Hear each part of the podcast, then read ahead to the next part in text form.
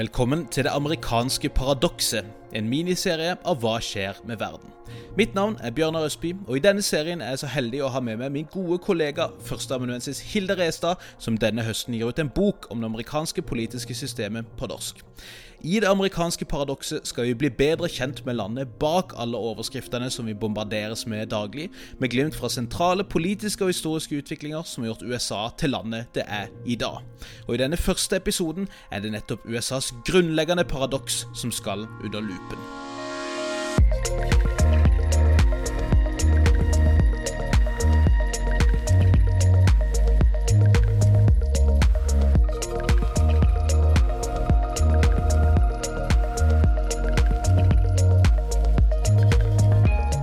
Hei og hjertelig velkommen til en ny episode av Hva skjer med verden? Denne podkasten for deg som er interessert i det som rører seg innen internasjonal politikk, krig og fred og alt det rører sånn midt innimellom. Og hjertelig velkommen til første episode av vår lille nye miniserie om amerikansk politikk. Jeg vet ikke om du har fått det med deg, men det skal jo være et valg i USA denne høsten. Et valg som potensielt kan bli et av de viktigste i USAs nyere historie, og som kan for så vidt også få store konsekvenser for det internasjonale bildet i tiden fremover. En annen viktig ting som skjer denne høsten, det er at vår kjære Hilde Restad, førsteamanuensis her på Bjørknes høgskole, slipper en bok om nettopp det amerikanske politiske systemet. Jeg har fått lov til å lese litt i den, og den er på norsk, og den er forståelig og to the point.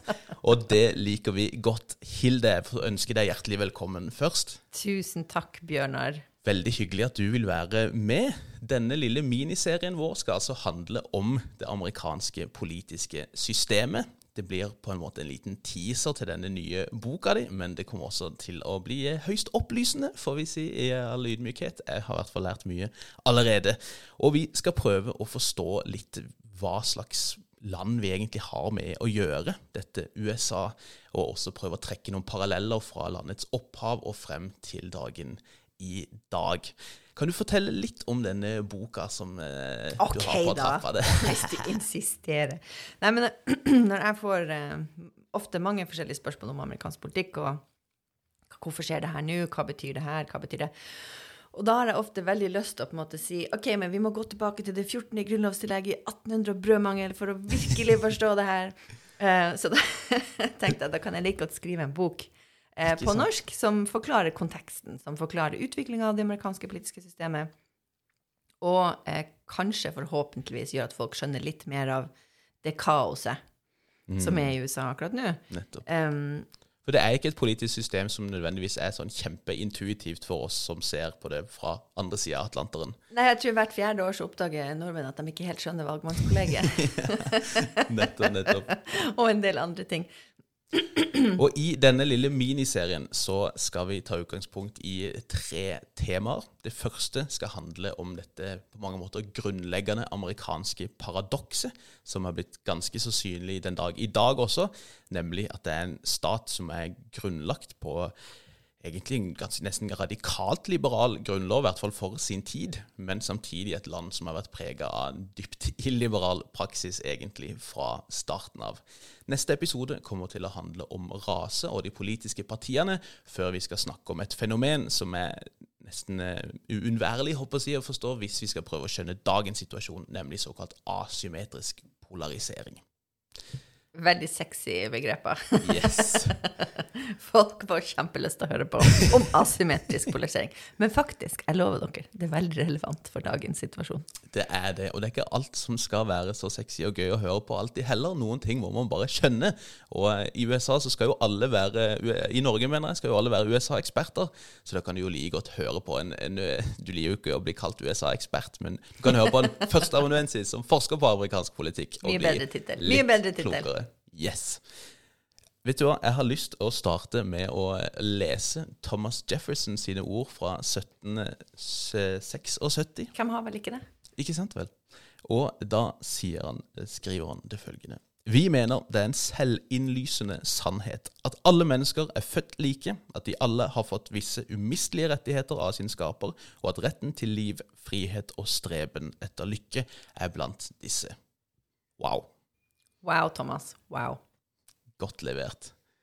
Dette er jo eh, ting som jeg tenker de fleste av oss kan stille oss eh, bak. Det, det, klinger jo eh, nokså likt som eh, menneskerettighet, altså verdenserklæringa om menneskerettighetene, som kommer nesten 200 år seinere, men allerede i 1776 så nedfelles disse ordene. Og ut ifra det så høres det ut som denne nye amerikanske republikken skal bli noe helt annet enn det vi har sett til nå. Ja, ikke sant. Det er en grunn til at uh, amerikanerne er så stolt av landet sitt, stolt av grunnleggelsen sin. Uh, og det er jo helt riktig at USA ble grunnlagt som en slags opplysningstidsrepublikk. Mm. Det var det mest demokratiske og liberale man hadde på det tidspunktet i verdenshistorien. Mm. Men så var da USA også et land som ble grunnlagt på eh, utradering av urbefolkning og slaveri. Mm. Og ikke minst eh, Thomas Jefferson, som du her siterte, er jo en person som virkelig personlig eksemplifiserer det her paradokset, da. Mm. Um, som boka på en måte skal handle om. Eller som boka handler om, for jeg har skrevet den. Ha-ha, jeg ble ferdig. Um, men ja, eh, vi kan godt si at USA var en, et eksempel til etterfølgelse på mange måter. Det var en liberal opplysningstidsrepublikk. Den var liberal fordi forfatninga, altså grunnloven de skrev, var inspirert av de liberale opplysningstidsfilosofene. Mm. Og det var demokratisk fordi systemet som de kom opp med etter hvert, ga stemmerett til mange flere eh, mennesker enn det europeiske land gjorde på den tida. Mm, mm. Og USA sin selvforståelse som en sånn eh, opplysningstidens trendsetter ble jo straks bekrefta, fordi like etter den amerikanske revolusjonen så kom jo den franske. Ikke sant, nettopp. Selv om det her ah, Det var en gang på statsvitenskap, når jeg, tok, når jeg var en eh, student, så hadde jeg en sånn seminar og da var det en seminarleder, som da må ha vært en masterstudent i statsvitenskap, som ikke hadde fått med seg at den, den franske revolusjonen kom etter den amerikanske. Han var overbevist om at Frankrike kom først. Det var Frankrike som var trendsetteren. Eh, så det, selv om Europa har litt vanskelig for å akseptere det, Riktig. så var det altså USA sin revolusjon som kom først. Mm.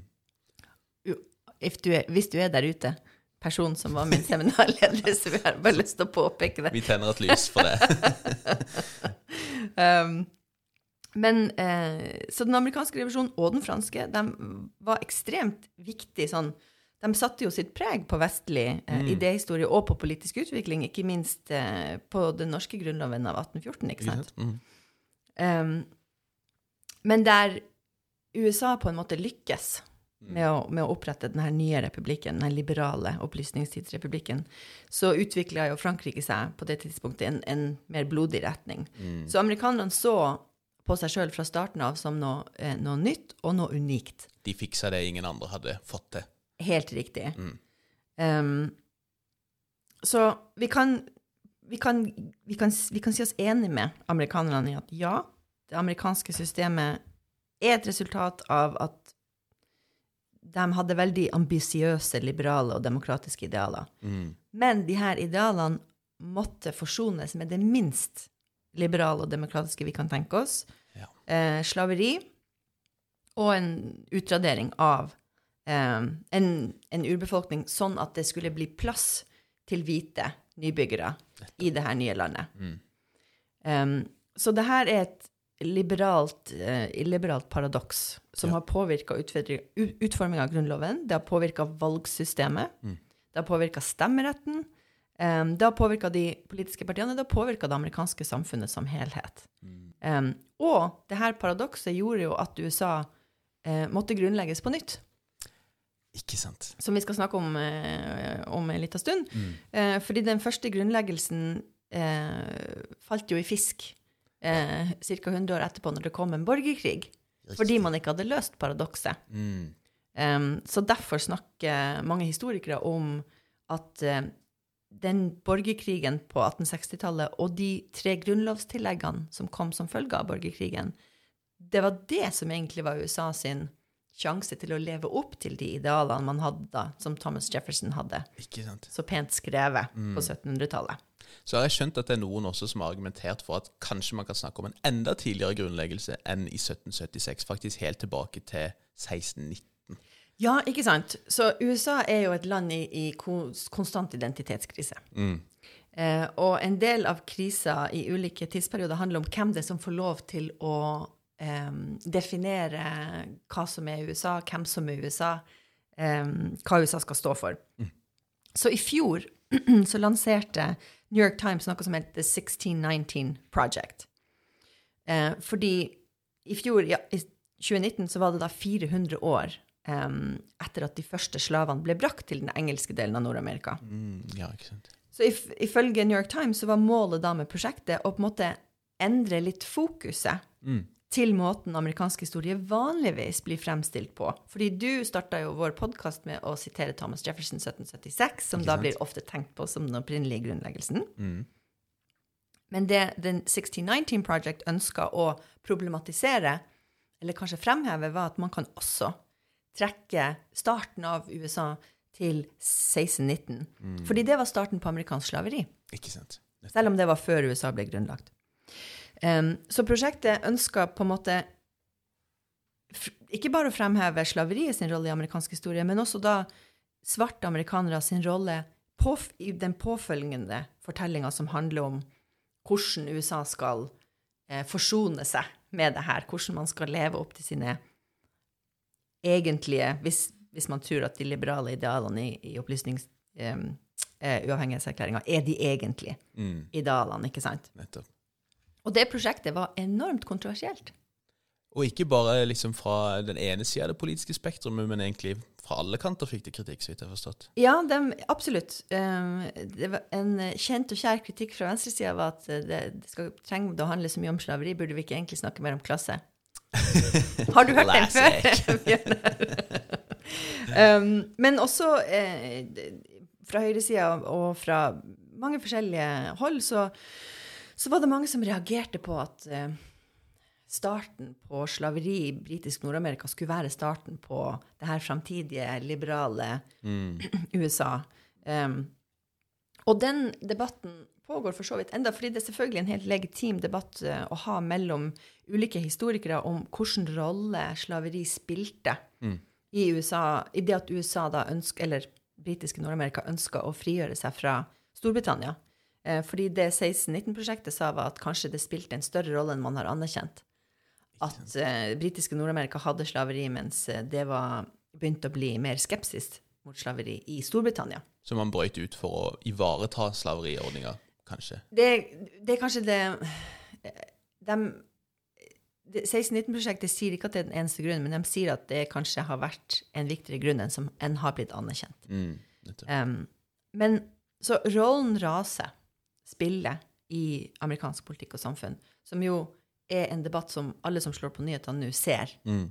um, utspille seg i gatene i masse amerikanske byer, den, har vært, den er så viktig for å skjønne ikke bare Black Lives Matter i dag, men for å skjønne hele utviklinga av det amerikanske politiske systemet. For den har ligget der helt fra starten av. Den har ligget der helt fra starten av, og den har satt premissene for veldig mye av eh, både institusjoner og selvforståelser og debatter. Mm. Og det er egentlig en sånn Det er sånn det, det er jo viktig, for det som står på spill, er jo den amerikanske selvforståelsen og identiteten. Er USA en oppløftende historie om stadige fremskritt, eller er det en tragisk fortelling Mm. om eh, en arvesynd som man ikke kan vaske av seg? Nettopp, nettopp. Read my book to understand. Vi kan jo kanskje eh, Du nevnte det så vidt også, at Je eh, Thomas Jefferson himself er jo en slags manifestasjon av dette paradokset som har ligget der fra starten. Kan du utdype litt rundt det, og, og hvordan noen av disse grunnlovsfedrene sa én ting, men hadde en ganske annen eh, praksis eh, på privaten? Ja. Det syns jeg vi skal gjøre. Fordi grunnen til at jeg er så interessert i Thomas Jefferson, er jo fordi at han grunnla det universitetet jeg gikk på i syv år, University of Virginia. Ja, ikke sant? Og han er jo anerkjent som en av grunnlovsfedrene fordi at han var en han har, tatt, han, har tatt, han har sagt at han var den som skrev uavhengighetserklæringa alene, men det var kanskje flere som hjalp han. Husk, husk å alltid anerkjenne medforfattere der ute, folkens.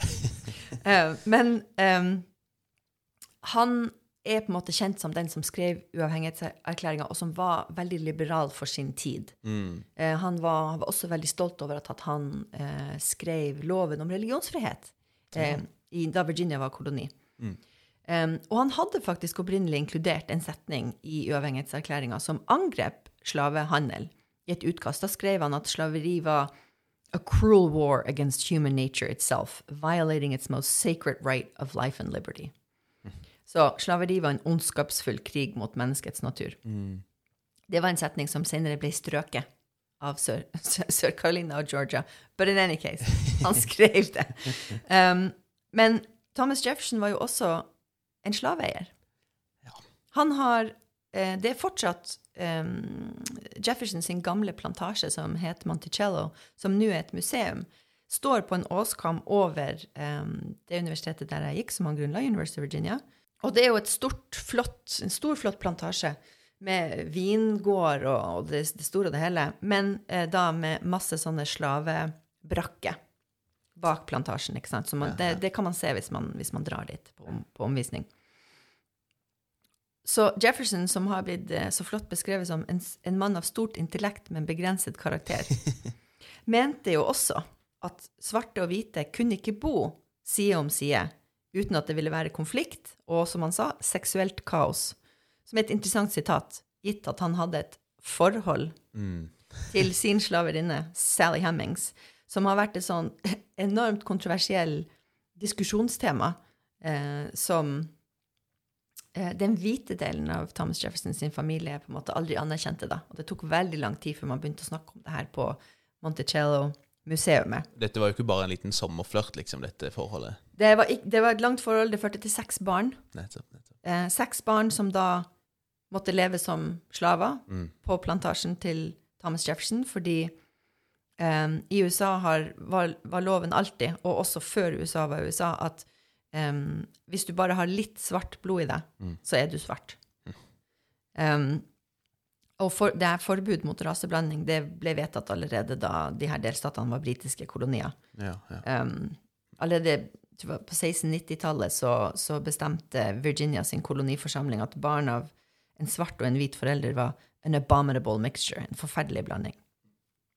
Så skal det jo sies at i, i sitt testamente så befridde Jefferson de barna han hadde med Sally Hemmings, men alle de andre slavene på hans plantasje måtte jo da fortsette i tjeneste til hans etterkommere. Så, det, så det, Thomas Jefferson syns jeg er et sånn perfekt personlig eksempel på paradokset, det amerikanske paradokset, så derfor skriver jeg litt om det eh, i boka, da. Men fordi at eh, en del delstater jo hadde slaveri i det de her eh, En del kolonier hadde slaveri i det de skulle gå fra å bli koloni til delstater, ikke sant? Så var det jo ikke noe sjokk at man måtte inngå kompromiss om slaveri. Det skjønte jo grunnlovsfedrene, ikke sant? ja, ja. Så det var 13 kolonier som skulle bli enige om en ny statsordning når de hadde klart å løsrive seg fra Storbritannia. Um, og for å få med alle så måtte man inngå et kompromiss om slaveri mellom sørstatene og nordstatene. Og det aller største kompromisset var vel antageligvis at slaveri ikke var noe som skulle forbys føderalt, men at det var opp til hver delstat. ikke sant? ja, ja. Eh, Men sørstatene var veldig bekymra for at de som region ville bli lillebroren i denne nye eh, føderale republikken, fordi at nordstatene hadde flere hvite innbyggere, eh, som jo da kunne stemme, ikke sant? ja, ja. Og derav et, eh, kanskje et kompromiss som mange har hørt om. Slaver var ikke statsborgere. Og det, det er verdt å si på nytt. Slaver som bodde og var født i USA, var ikke statsborgere. Eh, De hadde ingen rettigheter, men de skulle telles, de skulle regnes som three fifths of all other persons, altså tre femtedels person, sånn at de kunne fylle opp folketellinga til sørstatene. ja ikke sant. Fordi det er jo folketellinga som bestemmer hvor mange representanter man får inn i det føderale representantenes hus. Ja. Eh, og sånn er det jo fortsatt. Mm, mm. Um, det er sånn man tegner opp distriktene, valgdistriktene, Ja, ja. etter folketellinga hvert tiende år. Så dersom man telte med slavene, ikke som statsborgere med stemmerett, obviously, men som innbyggerfyll, eh, så ville sørstatene få mange flere representanter i Kongressen. Just, just. Så det førte jo til at sørstatene ble overrepresentert både i Kongressen og også med antall valgmenn hver delstat fikk. Så når folk, eh, når du hører den kritikken mot valgmannskollegiet at det har et eller annet med rasisme og slaveri å gjøre, så er det riktig. Mm. Um, Det er et resultat av at man telte svarte som tre femtedels innbyggere, men uten rettigheter. Ja. Ja. Um, så det, det henger sammen, selv om det, det er ikke hele historien, men det henger sammen. Nei, nei. Um, og det er jo ikke, så sånn sett så er det kanskje ikke så rart at de første tolv presidentene i amerikansk historie, syv av dem kom fra sørstaten Virginia. Mm. Så det funka jo. Ja, ja. Hæ? Grunnloven inneholdt også eh, en annen klausul man sikkert har hørt om hvis man har sett eh, en del populære filmer, eh, The Fugitive Slave Clause. Sånn at Der sto det at enhver slave som hadde rømt inn i en annen delstat, som kanskje da var en delstat som ikke hadde slaveri, Mm. de skulle fanges og returneres. Så den nye grunnloven den ga, den ga ingen hjelp til svarte. Den stilte seg åpenbart på slaveeierne sin side. Ja. Rettferdiggjøringa av det her kompromisset mellom hvit frihet og svart slaveri var jo at USA hadde ikke blitt USA dersom ikke grunnlovsfedrene hadde kommet frem til det her kompromisset. ikke sant? Nei, da hadde du hatt disse gamle britiske i nord, og så sørstatene litt sånn spredt for seg sjøl, håper jeg å si. Ja, man hadde, ja, det er ingen som vet hvordan det hadde gått Nei. med staten USA da. Men du hadde Um, ikke hatt noen forente stater? Du hadde ikke hatt noen forente stater. Ikke sant? Um, så det er andre som påstår at uh, James Madison, Alexander Hamilton, andre berømte grunnlovsfedre, som antok at slaveriet på en måte ville forsvinne av seg sjøl. Ja. At det ikke var så farlig måte, at man starta med det, fordi at Mm. det ville Handel ville ta over for landbruk som USA sitt økonomiske tyngdepunkt. Um, men de, de tok jo feil. Det forsvant ikke av seg sjøl. Uh, og dermed så hadde man en, en ny liberal, demokratisk opplysningstidsrepublikk som var grunnlagt på slaveri.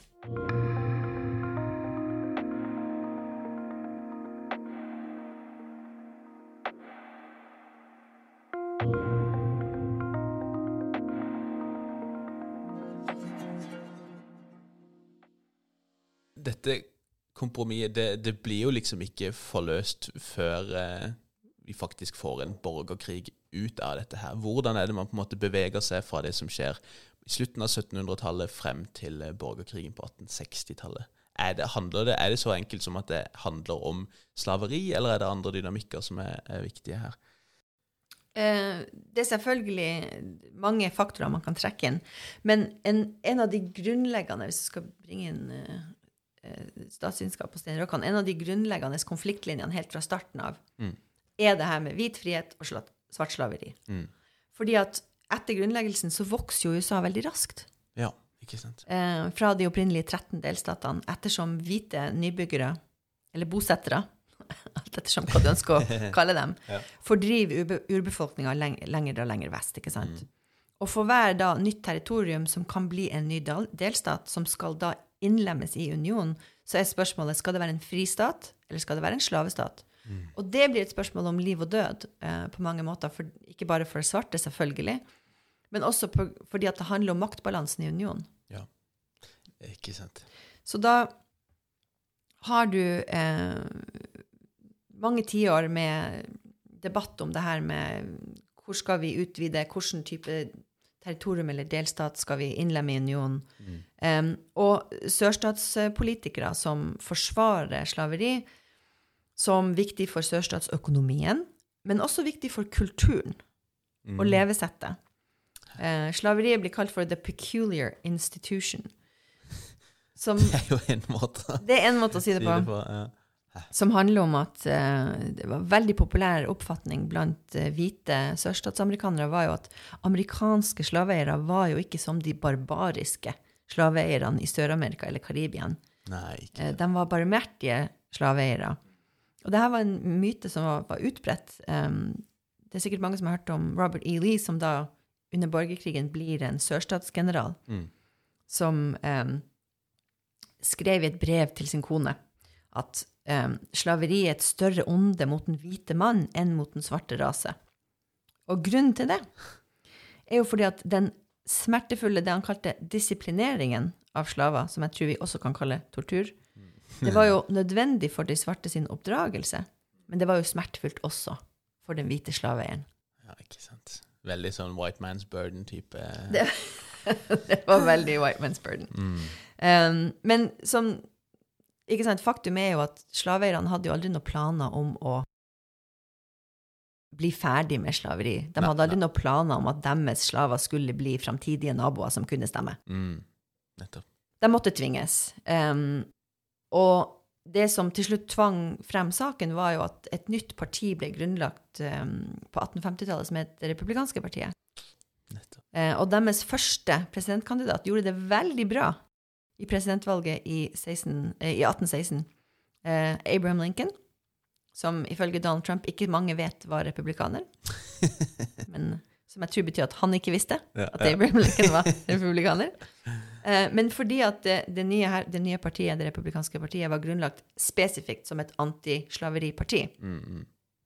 når Abraham Lincoln da ble valgt som presidentkandidat, så tenkte på en måte sørstatene at ah, ja, OK, nå er det over. Ja. Nå må vi bare, vi må bare trekke oss fra den her Dette eh, går ikke lenger. Det her går ikke, vi må trekke oss fra unionen. Dette var 1860 han vant valget. Han vant valget i 1860. Mm, mm. Så med en gang så trakk Sør-Carolina, Mississippi, Florida, Alabama, Georgia, Louisiana, Texas, Virginia, Arkansas, Tennessee og Nord-Carolina seg ut av unionen.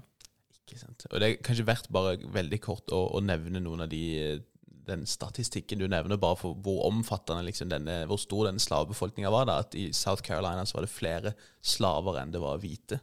Mens i Virginia, da, så nevner du at i 1790 så var jo 42% av alle slaver i det som da var USA, befant seg der. Så det, det var store befolkninger det er snakk om. altså.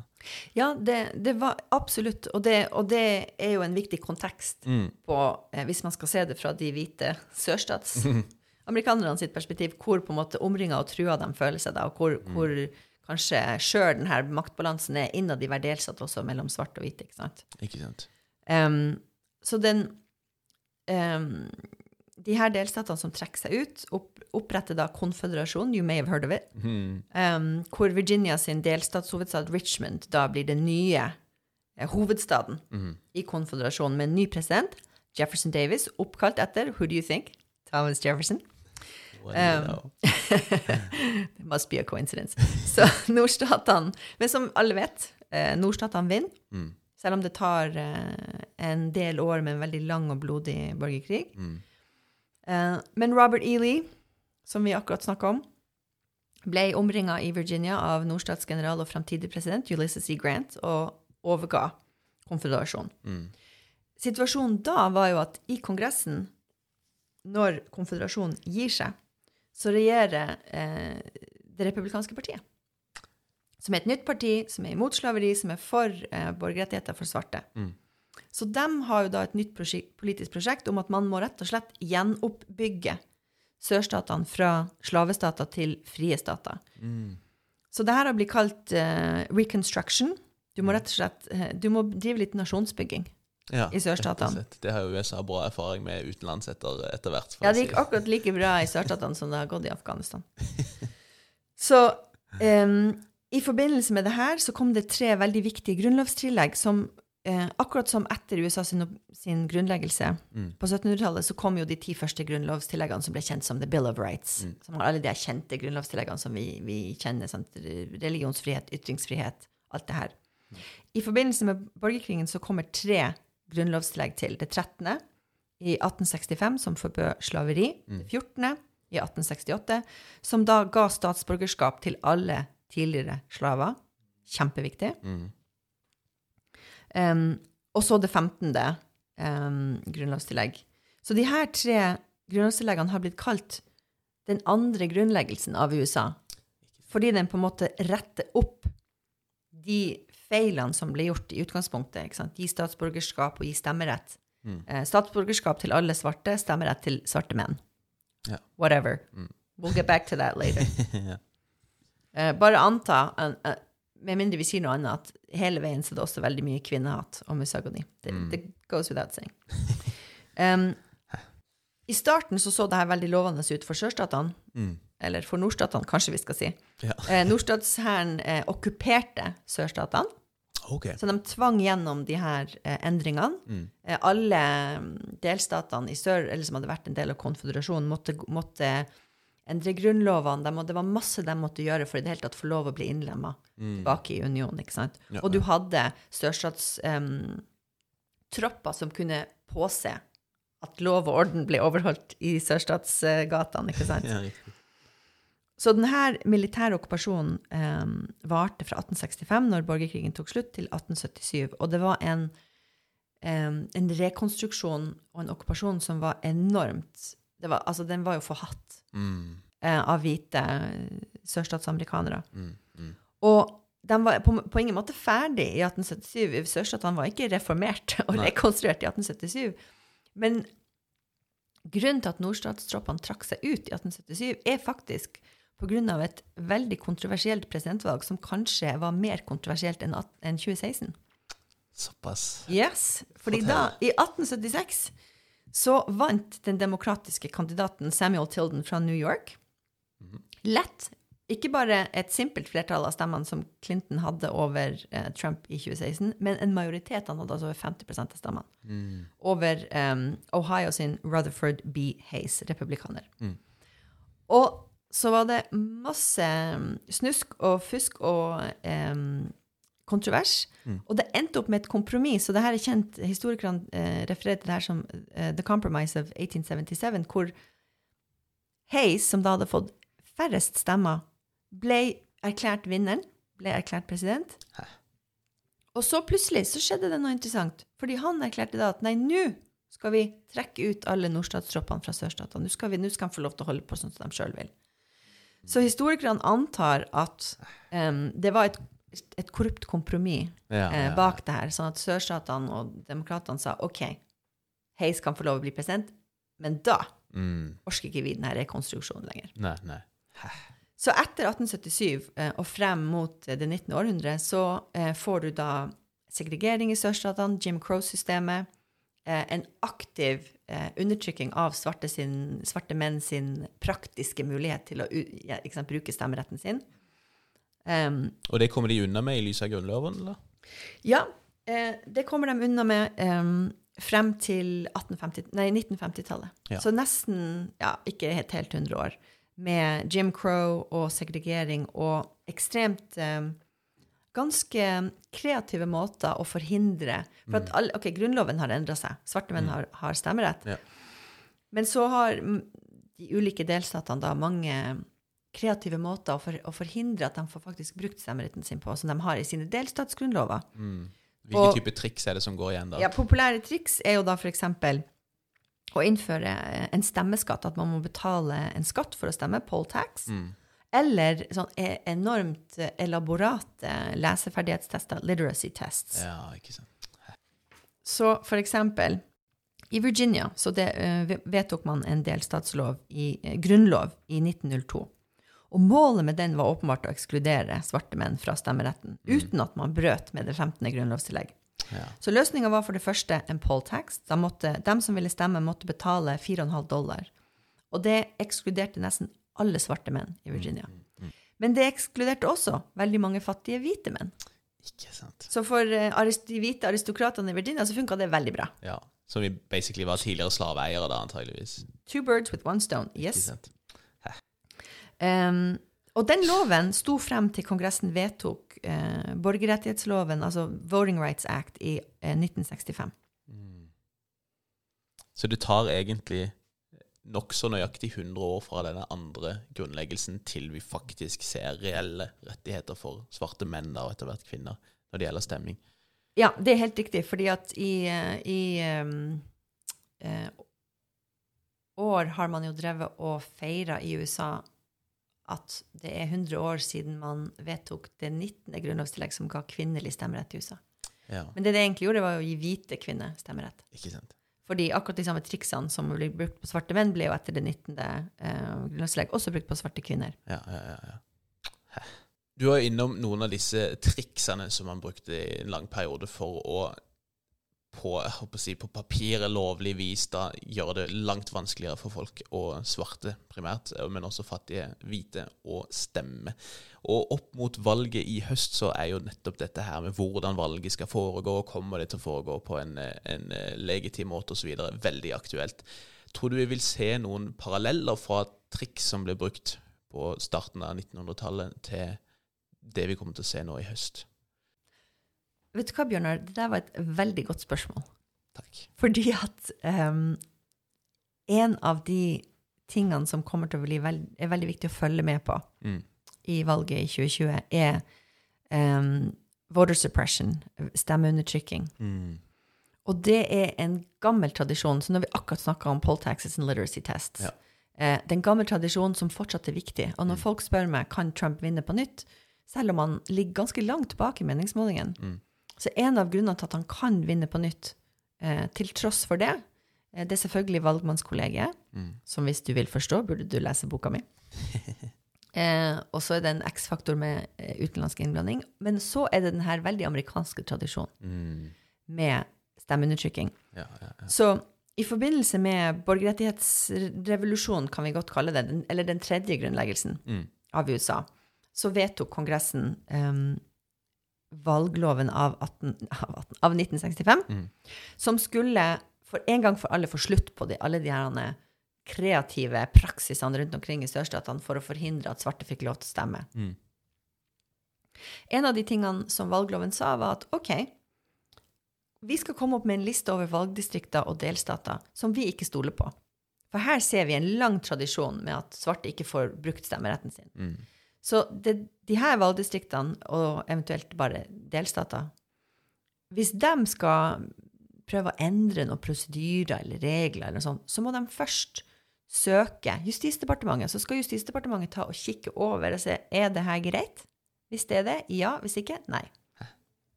Og sånn, eh, Den loven fungerte jo som en drøm.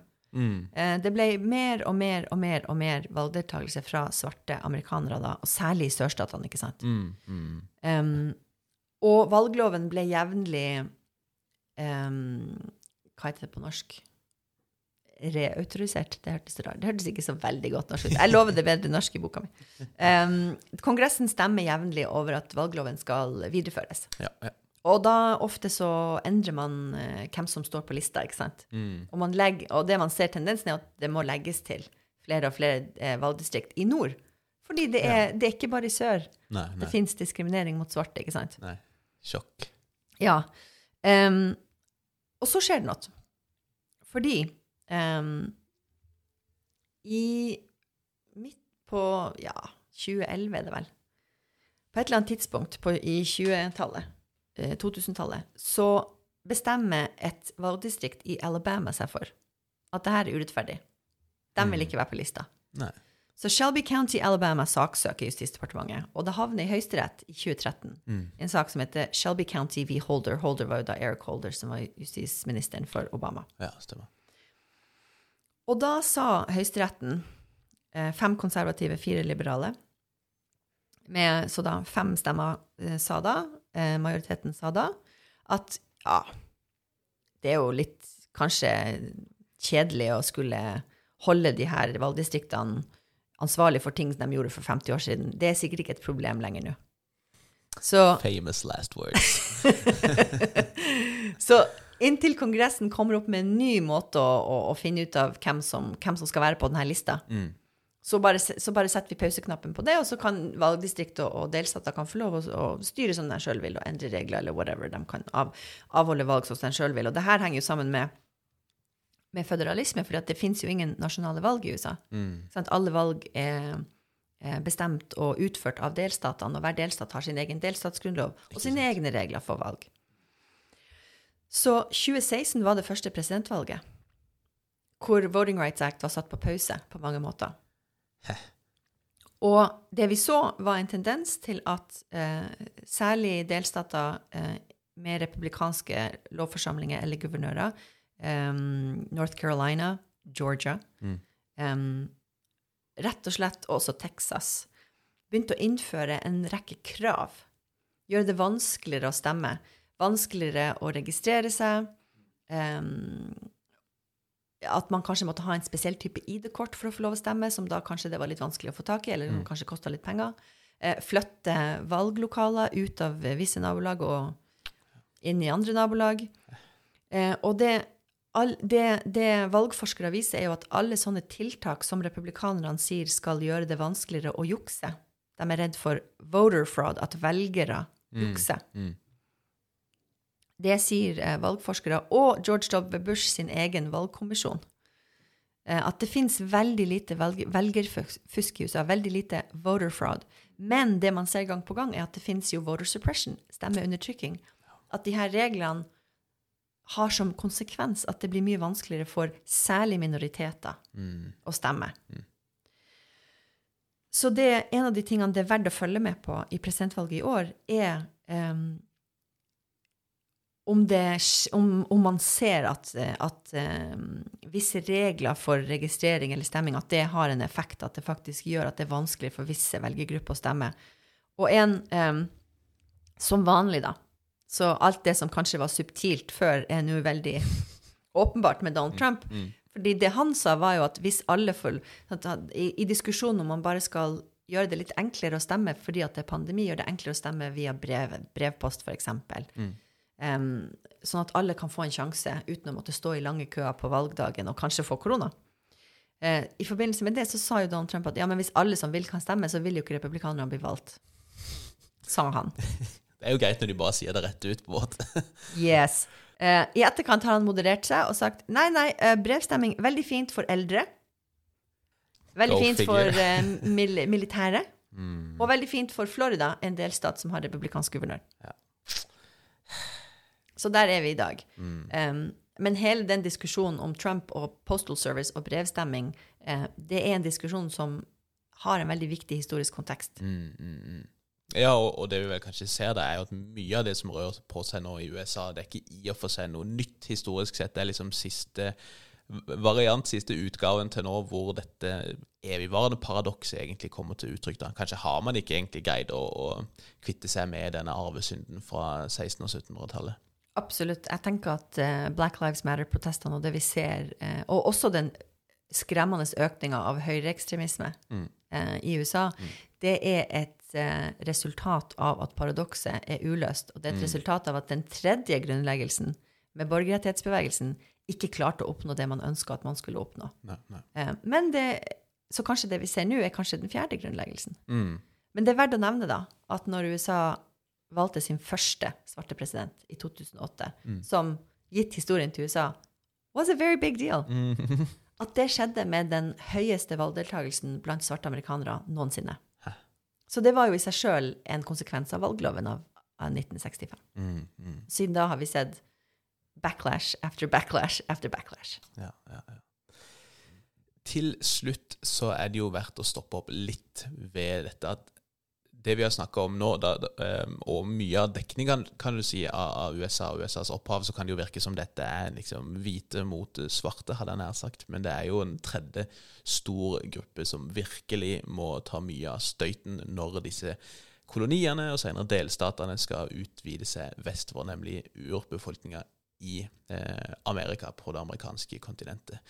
Det er jo ikke sånn at dette, denne liberale republikken bare er grunnlagt på slaveri, men også på regelrett etnisk rensing og folkemord. Og det bør vi kanskje bruke litt tid på nå, helt til, til slutt. Det er veldig viktig, fordi at det, det, akkurat sånn som du sier, så er den, den amerikanske historien eh, er ofte veldig sånn Det er de svarte mot de hvite, og det handler om slaveri og, og borgerkrig og borgerrettigheter og alt det her. Det som er eh, i det hele tatt grunnlaget for at USA eksisterer som USA i dag, er jo eh, at et slags eh, forsøkt folkemord på, på urbefolkninga. Mm. Um, og den kanskje ultimate urettferdigheten er jo at urbefolkninga i USA er, er ikke engang på en måte de andre i den, i den amerikanske historien. Nei. For de er bare, de bare er glemt. De, mm. de, man snakker ikke om dem. Kulisser, nærmest. De, ja, nettopp.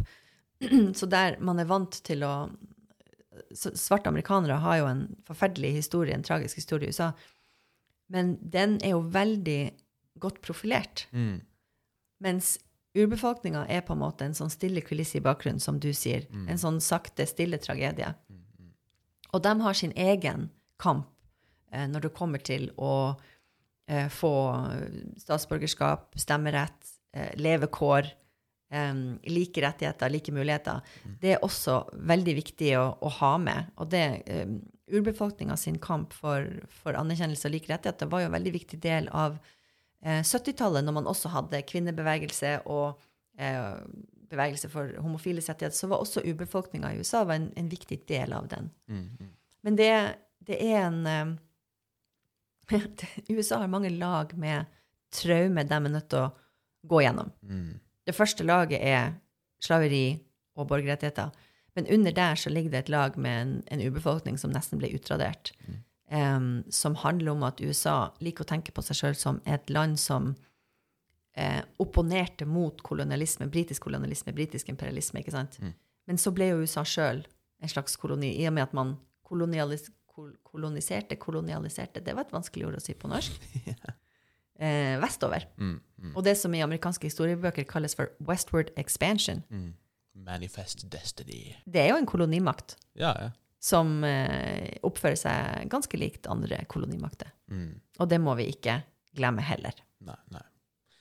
Så i den grad det, det tidlige amerikanske republikken var liksom et unntak, så var det kanskje at den var radikalt liberalt dersom du var Hvit mann, hvit mann og Men det er alltid fint å være hvit mann.